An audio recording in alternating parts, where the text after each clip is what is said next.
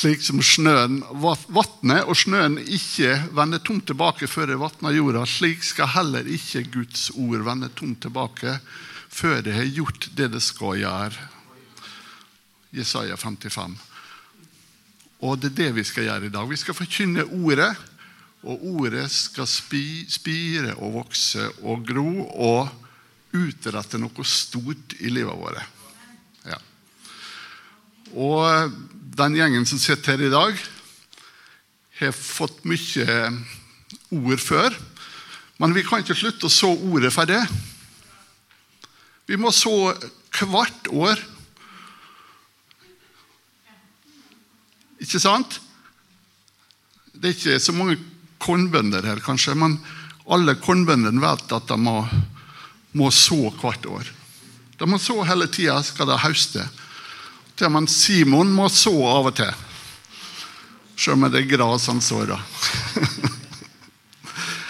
ok. Ja, på tide å drikke av vannet mitt.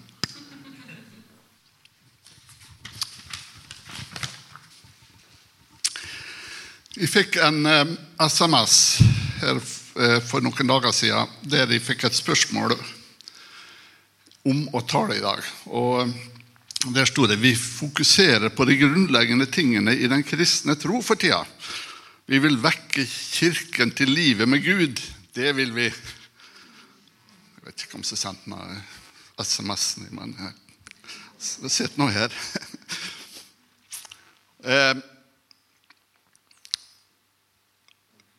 jeg har veldig lyst til å snakke om, om eh, de grunnleggende ting.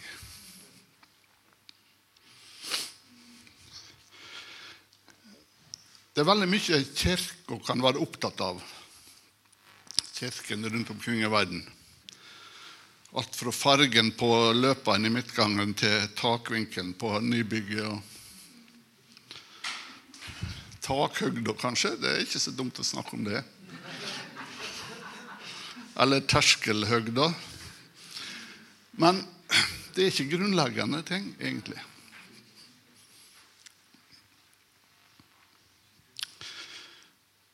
Vi måtte begynne å lure på hva er de grunnleggende ting. Og så var jeg inne på de fire b-ene. Ja, ikke så langt vekk, da. Eh, hva med korset, da? Frelsa? Jo, det er grunnleggende, det. Men det er ikke det grunnleggende ting. Korset det var for 2000 år siden. Vi driver ikke og korsfester lenger. Jesus er korsfesta en gang for alle.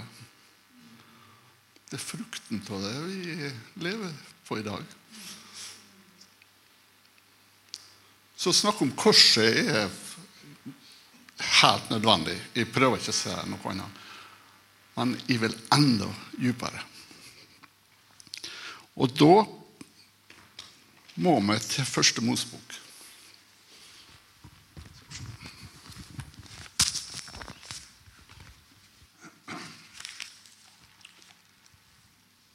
Og kapittel 1, selvfølgelig. Og ikke vers 1, men vers 1-1. Så sa Gud Jorden skal bære fram gressplanter som setter frø, og frukttrær som gir frukt etter sitt slag, og som har frø i seg på jorden. Og slik ble det. Jorden bar fram gressplanter som setter frø etter sitt slag, og trær som gir frukt med frø i seg, etter sitt slag. Og Gud så at det var godt. Det må være grunnleggende, ikke sant? Det aller første Gud skapte. Hvis ikke det er grunnleggende, så vet jeg ikke.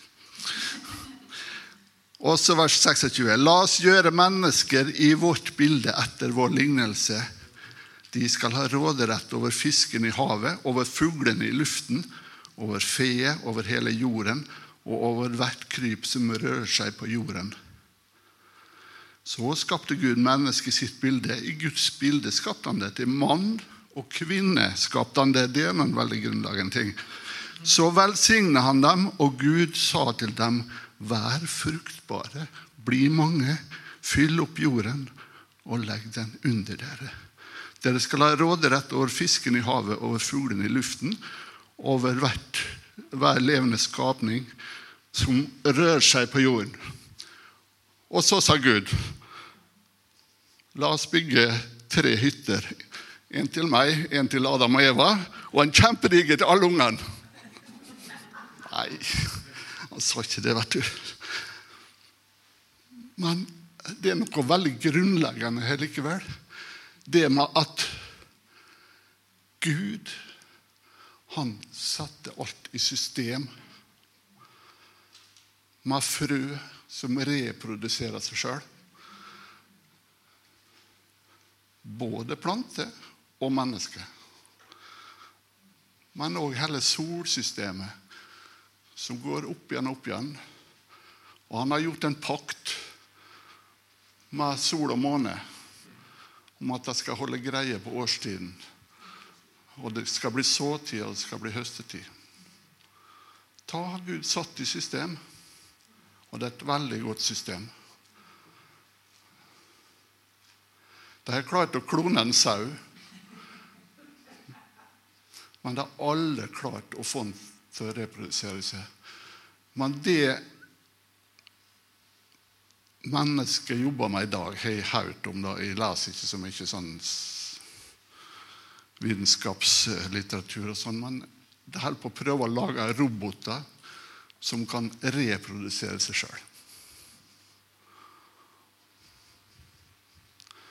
Og da syns jeg at de prøver å etterligne Gud i det. Det. Det må jeg virkelig si. Men jeg tror ikke jeg klarer det. Men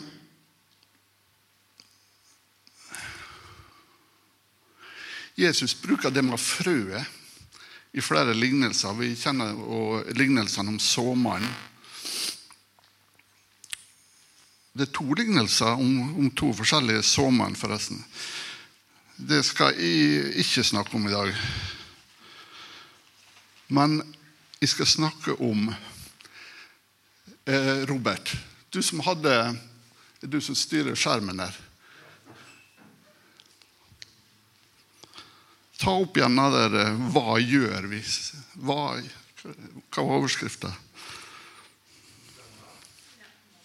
Hva driver vi med? For det er egentlig det det handler om, det jeg snakker om i dag. Er vi såmenn? Sår vi og høster vi? Dyrker vi jorda? Horver vi og pløger og gjødsler? Det står jo det her at vi er det.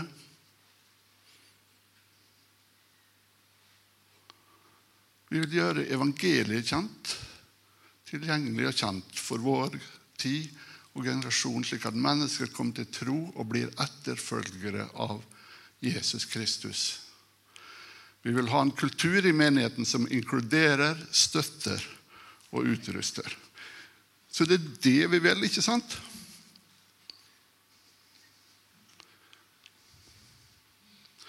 Og jeg tviler ikke på at vi alle vil det.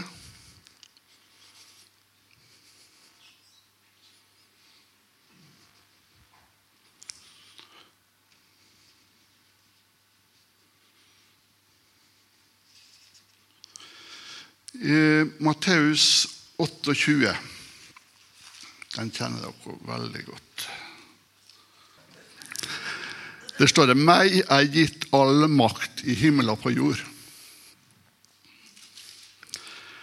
Gå derfor og gjør alle folkeslag til disipler. Så dere to set, Ta egentlig ei setning, eller nei, to setninger på norsk.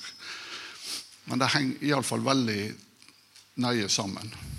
Men vi har tendens til å rive det fra hverandre. Vi har tendens til å tenke at Gud har all makt i himmelen og på jord. Og Der sitter han med sin datasentral og styrer hele greia. Og så har han sendt ut oss. Og så skal vi gjøre alle folkeslag til disipler. Og så får jeg gjøre så godt jeg kan. Så får vi utdanne oss og pugge bibelvers, og så får vi eh, stå på, krum nakke, ofre hele livet vårt, slik at alle folkeslag kan bli til disipler.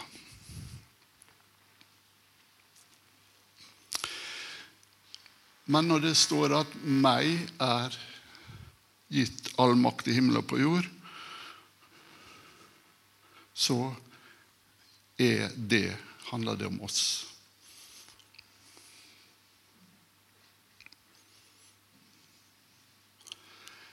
Altså, det er Gud som har all makt i himmelen og på jord.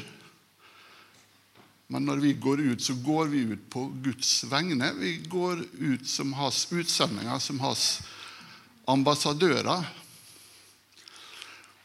Hvis en politimann går ut og arresterer noen, f.eks., så gjør han det på vegne av den norske staten. På vegne av Justisdepartementet, egentlig, og så er det jo ulike nivåer under da. Men han gjør det egentlig på vegne av den norske staten. Og den norske staten har jo i gåsehud all makt i Norge, ikke sant? Så når politiet går ut, så gjør de det på vegne av Norge. Hvis en politimann arresterer feil person, hva skjer da? Blir han straffa for det? Nei, han blir ikke det, faktisk.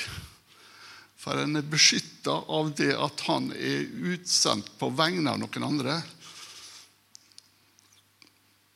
Han er utsatt på vegne av Han er politimesteren over seg. Og, og hvis noen skal anklage eh, han, så blir det å anklage politimesteren, egentlig. Og Sånn er det når vi er sendt ut. Vi er sendt ut med myndighet til å utføre et oppdrag på jorda. Og da er det vi som har fått den makta. Vi har fått makta til å eh, drive ut demoner, helbrede syke, sette folk fri, forkynne evangeliet, lede deg til Kristus, lære deg å holde alt det jeg har befalt dere, står det i siste setninga i Matteus 28, 18-20. Lære, lære dem å holde alt det jeg har befalt dere.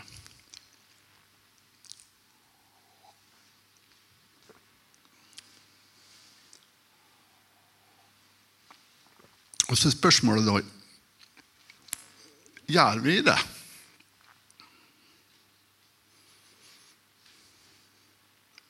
Jeg bare spør. I går var jeg på butikken i går kveld.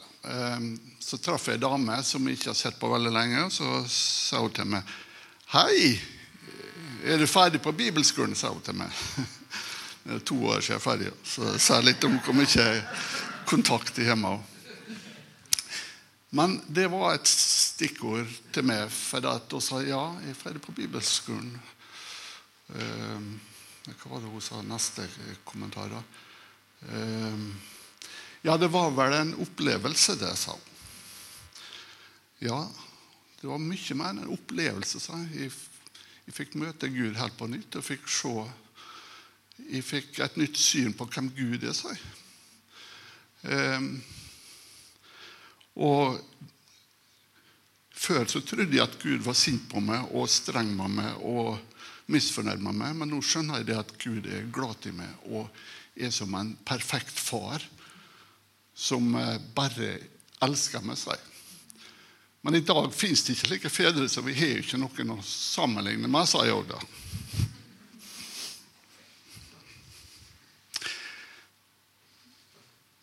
Og så var den samtalen slutt.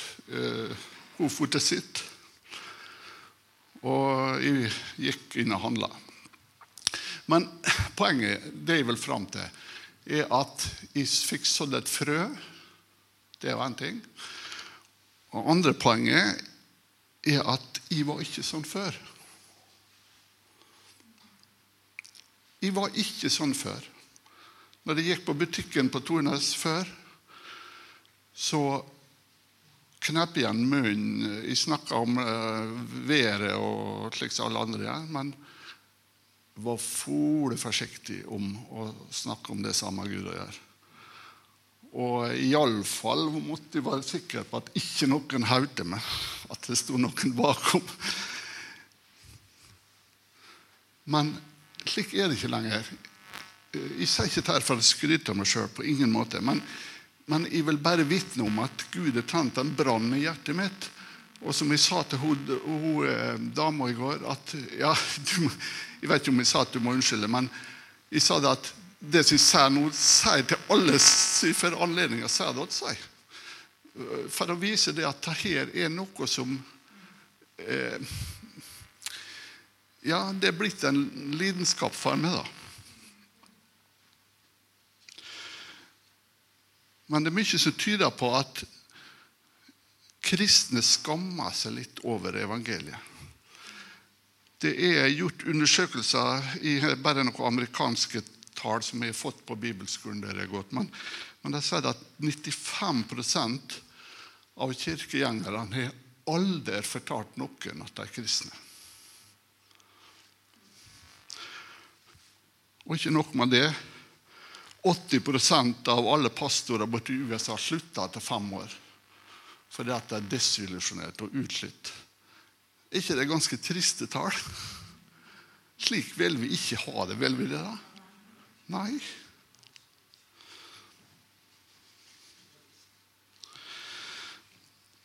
Jesus sier høsten er moden, men arbeiderne er få.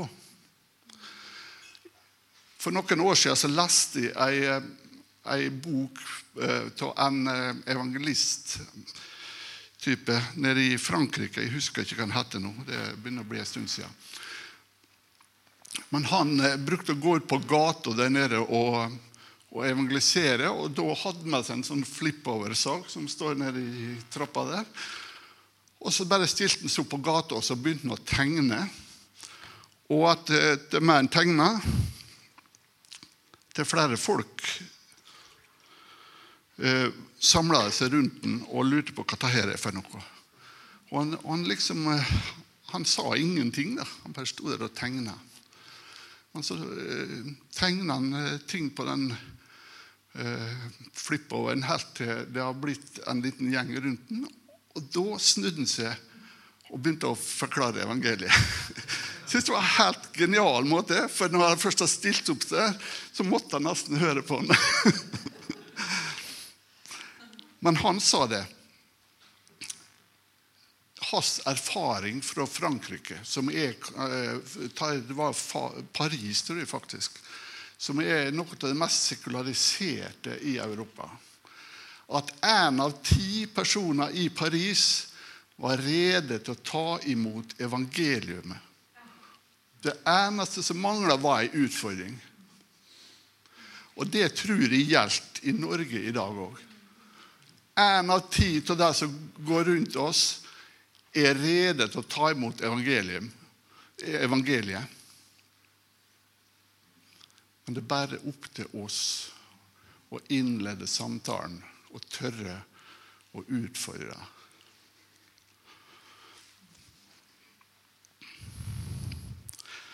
Jeg hadde en opp... Voldsomt tørr i munnen blir i dag. Jeg hadde en opplevelse i sommer. Jeg fikk høre om en person som jeg kjente fra før, som hadde fått kreft. Og med det samme jeg fikk høre det, så bare visste jeg i hjertet mitt at jeg skulle be for vedkommende. For noen år siden så har jeg kommet til å bare blåst vekk en sånn innskytelse og sagt det at eh, sikkert, Den personen kjenner sikkert noen andre som står nærmere, og som eh, Ja. Men denne gangen så gjorde ikke det. Jeg skyvde ikke vekk der impulsen. Og så sendte jeg en melding til vedkommende og spurte om jeg kunne få komme. Og jeg fikk ja med en gang. Og jeg reiste dit og ba for vedkommende. Og personen opplevde en sterk eh, Guds kraft. Og mye av symptomene forsvant. Ikke riktig alt, men mye forsvant. Og jeg tenkte at eh, Jeg var jo glad. Men jeg tenkte at dette var nå en, det var nå siste gangen vi skulle møtes. Så Derfor så sa jeg at eh, du bør begynne å lese Bibelen. sa jeg. Begynn på Matteusevangeliet, og så les du et kapittel hver dag. Ja, det var nå greit, da. Så gikk det noen uker, og så kom det en melding på telefonen min. Du, ta den med bibellesinga, det går ikke så bra. Kan du hjelpe meg?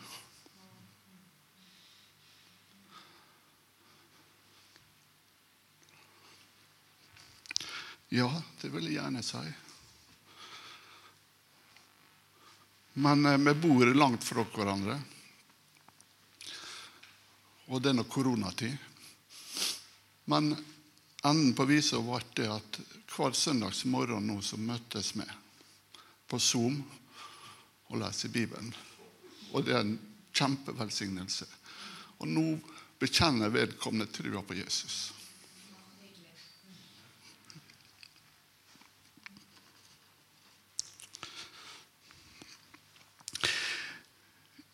Det var to damer. Så jeg, eh, jeg fikk en sånn YouTube-klipp som ble sendt til meg. Eh, det var eh, Jeg tror det er min telefon som durer her, så jeg må bare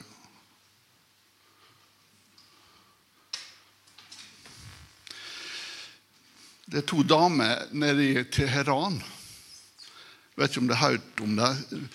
Det heter Mariam og Marsie. Er det noen av dere som kjenner det igjen? Nei. Da har jeg en nyhet å fortelle dere. Det er to uh, unge damer der i uh, 40-50-årsalderen. jeg tenkte jeg skulle spøke litt nå. Det er sannsynligvis mye yngre enn det. Eh, men eh, de to damene der var noen skikkelig tøffe damer. fordi Teheran det er jo muslimsk, eh, en muslimsk by i et muslimsk land. Og det er ikke lov å forkynne evangeliet der. Men det var på en eller annen måte blitt kristne. Det husker jeg ikke helt historien bak det. Men, men dere kan gå inn på YouTube og se det. Men de fikk tro for at de skulle begynne å dele ut bibler i Teheran. Og de fikk De ba til Gud hvor, mye, hvor mange bibler de skulle bestille. Og så fikk de tallet 20 000. Så de fikk smugla inn 20 000 bibler fra en eller annen plass ifra, fra Vesten. da. Og så begynte de å, å gå rundt, ledet av Den hellige ånd, og putte bibler i postkassen til folk. I lag med kort med en liten hilsen og, og, forskjellige ting. Og snart hadde etter, Jeg tror de holdt på i tre år. i så hadde de delt ut 20 000 bibler i Teheran. Men så begynte myndighetene å lure. Her må det være en stor vestlig organisasjon som holder på å invadere byen vår. For det er bibler overalt i alle postkasser. Jeg visste ikke at det var to unge jenter, damer. Og eh, plutselig en dag så fikk jeg beskjed om at hun måtte komme og, og levere inn bilen sin, for det var noe med vognkortet jeg skulle sjekke. Og da skjønte hun. Da skjønte hun at nå har myndighetene fått snusen i oss. Og det, Men hun prøvde ikke å stikke av. Hun visste at hun kom til å havne i fengsel, men hun kjørte bilen ned dit som hun skulle kjøre han, og hun og venninna ble satt i fengsel.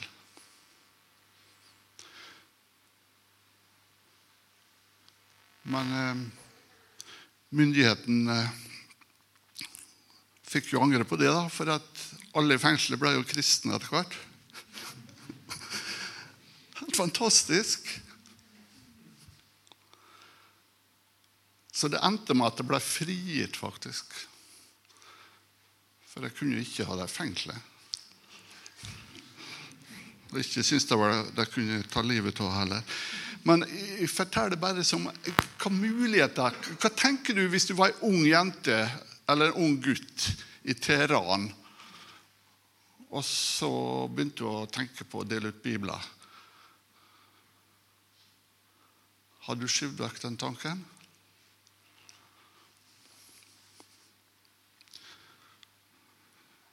Jeg tror kanskje jeg har gjort det.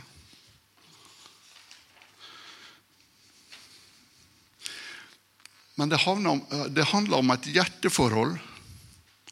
Hvis vi brenner for Jesus, så er det ikke vanskelig å vitne.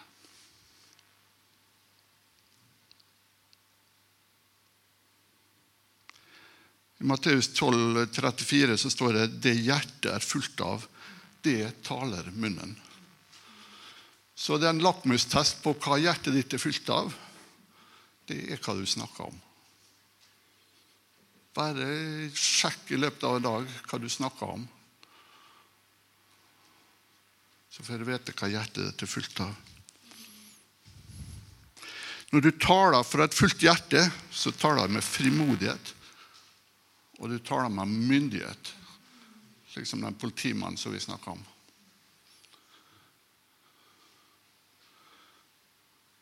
Jeg tror Grunnen til at uh, mange kviser på å vitne, er det at de gjør det ikke fordi at hjertet er fylt, men de gjør det fordi at de føler det er en plikt. Og da, når de prøver å vitne, da, så tar de heller ikke med myndighet. Og så datt helt alt sammen, og så tør de ikke flere ganger.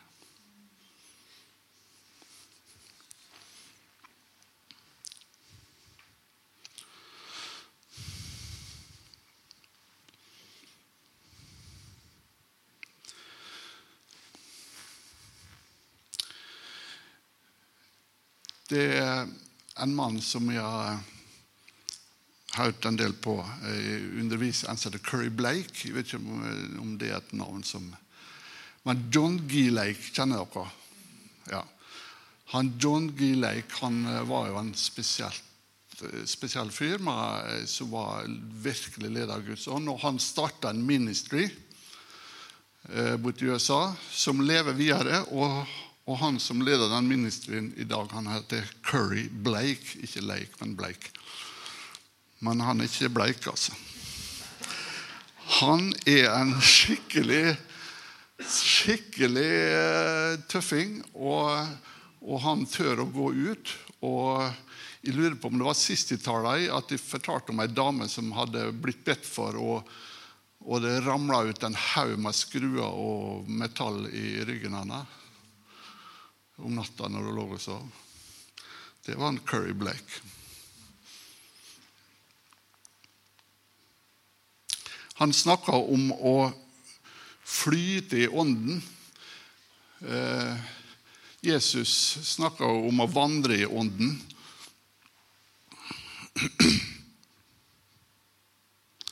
Eller eh, Paulus snakker om det i Galaterne 5.25. Hvis vi lever i Ånden, så la oss vandre i Ånden, sier Paulus. Men jeg syns uttrykket 'å flyte i Ånden' er enda bedre. Jeg tror det betyr det samme. Men vandre, da er liksom eh, Da tenker jeg at det er når du er ute og går, at du er Guds ånd med deg. Ellers så har du ikke. Men å flyte i Ånden da er, da er antennen ute, altså. Til Den hellige ånd. Enten du snekrer eller murer eller skifter bleie eller er på jobb eller vitner, så flyter du i, i Guds ånd. Som en GPS som er der hele tida.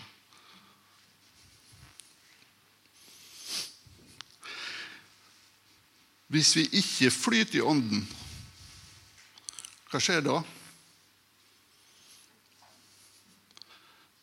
Da flyter vi i en annen ånd, og det er tidsånden. Og det er ikke noe god ånd å flyte i.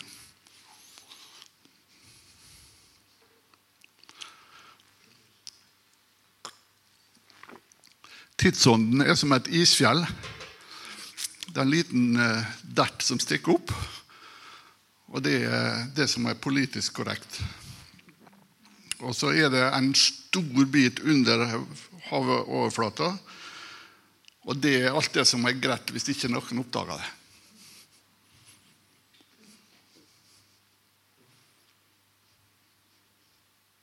Det er tidsånda. Og den lever bare for de innovervendt mot oss sjøl. Oss sjøl i fokus. Mitt og mitt og bare mitt. Og det er om å gjøre å te seg godt utad. Dessverre så tror jeg at mange kristne er i større eller mindre grad påvirka tidsånda. Jeg er det sjøl. Det er så lett å bli påvirka av den tidsånda. Hva som er politisk korrekt, f.eks. Er det politisk korrekt å, å stoppe foran kassa på Tornes, Coop Tornes og, og, og, og, vitne om evangeliet? Skal jeg, og jeg ser at du har vondt i ryggen. Skal jeg be for det? Nei, det er ikke politisk korrekt å gjøre. Men har Gud villet at vi skulle gjøre det? Hvis du hører den stemma inni øret ditt, så vil han det. Jeg tror ikke han alltid vil at du skal gjøre det. Men det er det som er å flyte i ånden og ha antennene ute. Når er tidspunktet rett? Slik som den personen som jeg snakka om, som jeg fikk høre var sjuk. Da kjente de min ånd. Og da må vi handle. Yes. Begynner jo å helle på for lenge nå. Jeg glemmer alltid å se på klokka når det begynner. Eh,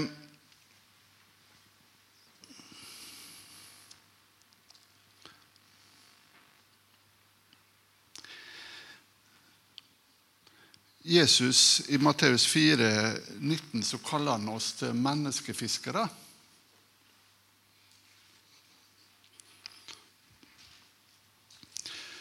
Og det er forskjell på en fisker og en som av og til fisker. En fisker han har ta på pulsen sin, altså. Hvordan er været i dag? Går det an å garna i dag? Tror Kanskje, vent, kanskje sjekke med yr, og så gå inn litt sånn der. Men den som fisker av og til, han har ei nedstøva stong stående inne i garasjen. Og eh, den dagen han skal ut med yachten og bade, så tar han fram der og så Nei, den var så støvete nå. tror jeg ligger der. Altså, Vi fisker av og til, det tror vi de fleste av oss gjør. Men Jesus vil gjøre oss til menneskefiskere som går og kikker etter anledninger hele tida.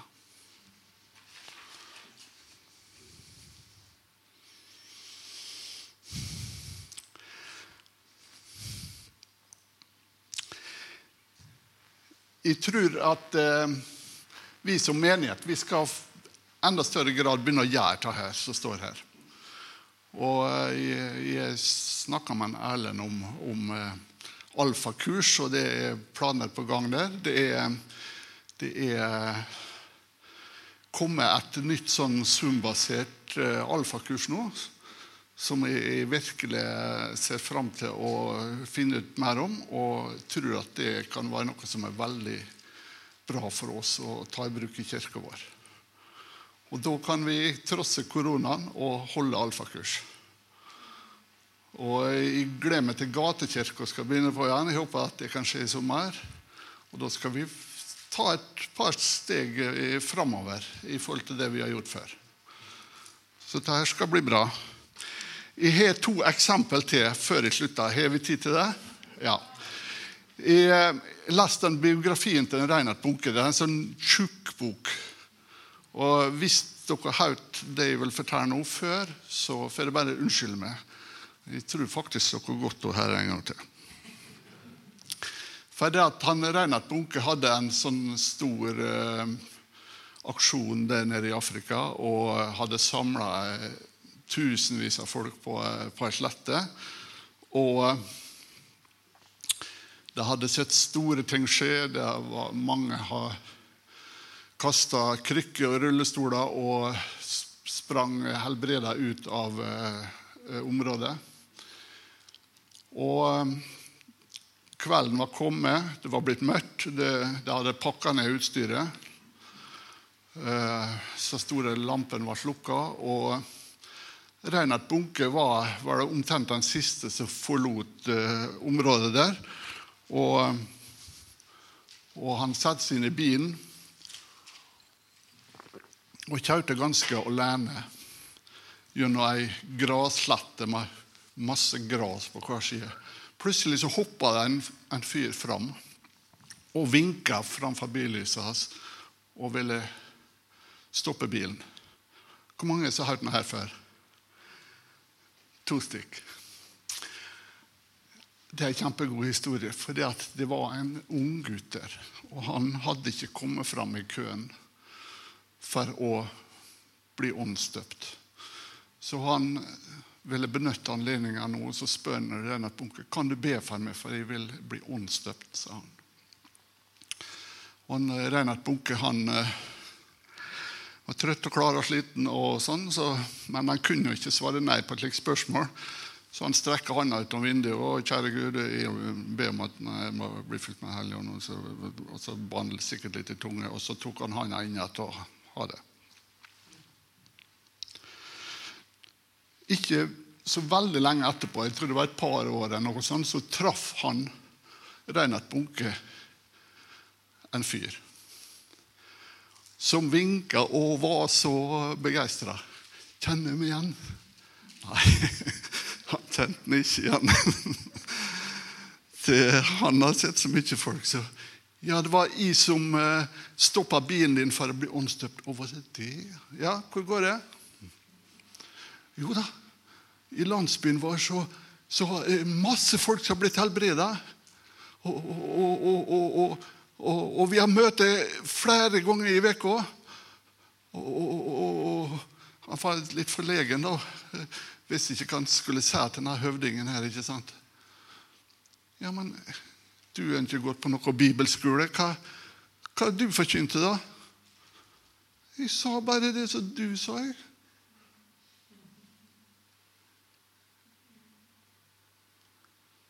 Jeg sa bare det som du sa.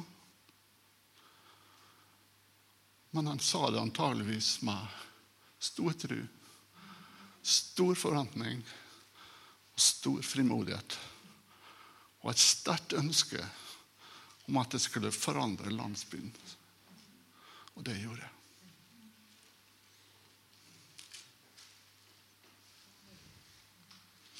Det er en nylig historie.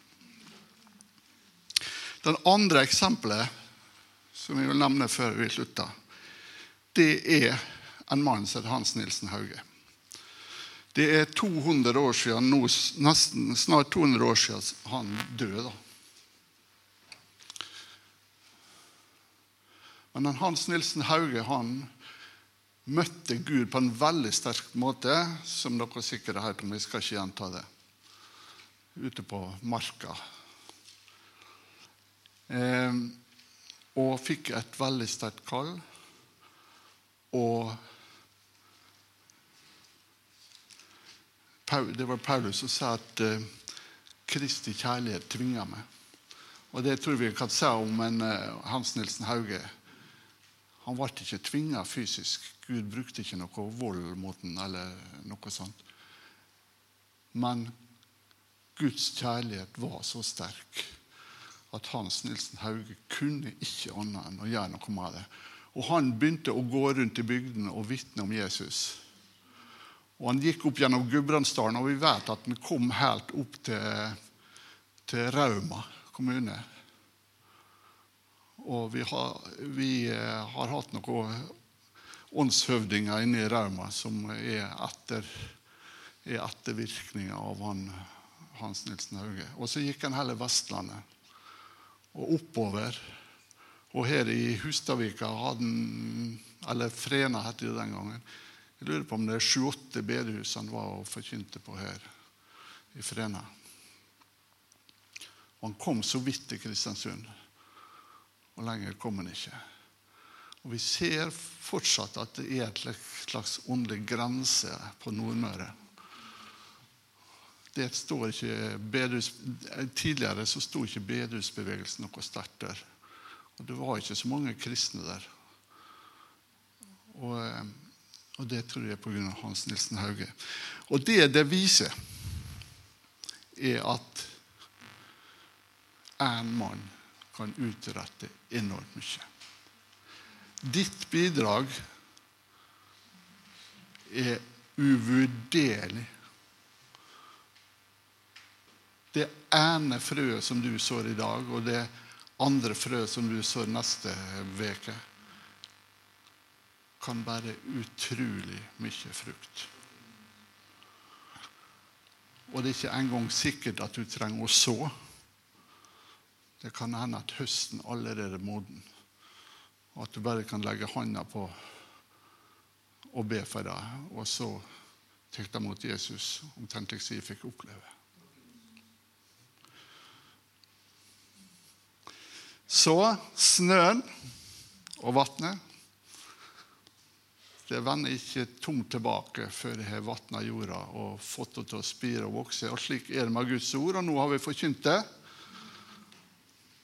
Og vi skal se store ting framover. Mist ikke motet, folkens. Ikke la dere bli nedtinga av korona. Ikke la dere bli nedtinga av tidsånda. Ikke la, ikke la noe tynge dere ned. For at vi har Gud, skaperen, boende i oss ved sin Hellige Ånd. Og det er fantastisk. Det er superpower. Bare vi vet ikke om det. Det Ja. Det er omtrent som han som eh, jeg snakka om før, som eh, fikk seg bil, og så han ikke, visste han ikke at han måtte sette i nøkkelen. Så han drev og skubba av bilen da, og brukte den til å overnatte forskjellige plasser. Men så oppdaga han at med å vri på nøkkelen så var det hundrevis av hestekrefter. Og sånn er det med oss òg. Vi må vri på nøkkelen, ikke holde på egen kraft. Takk for meg.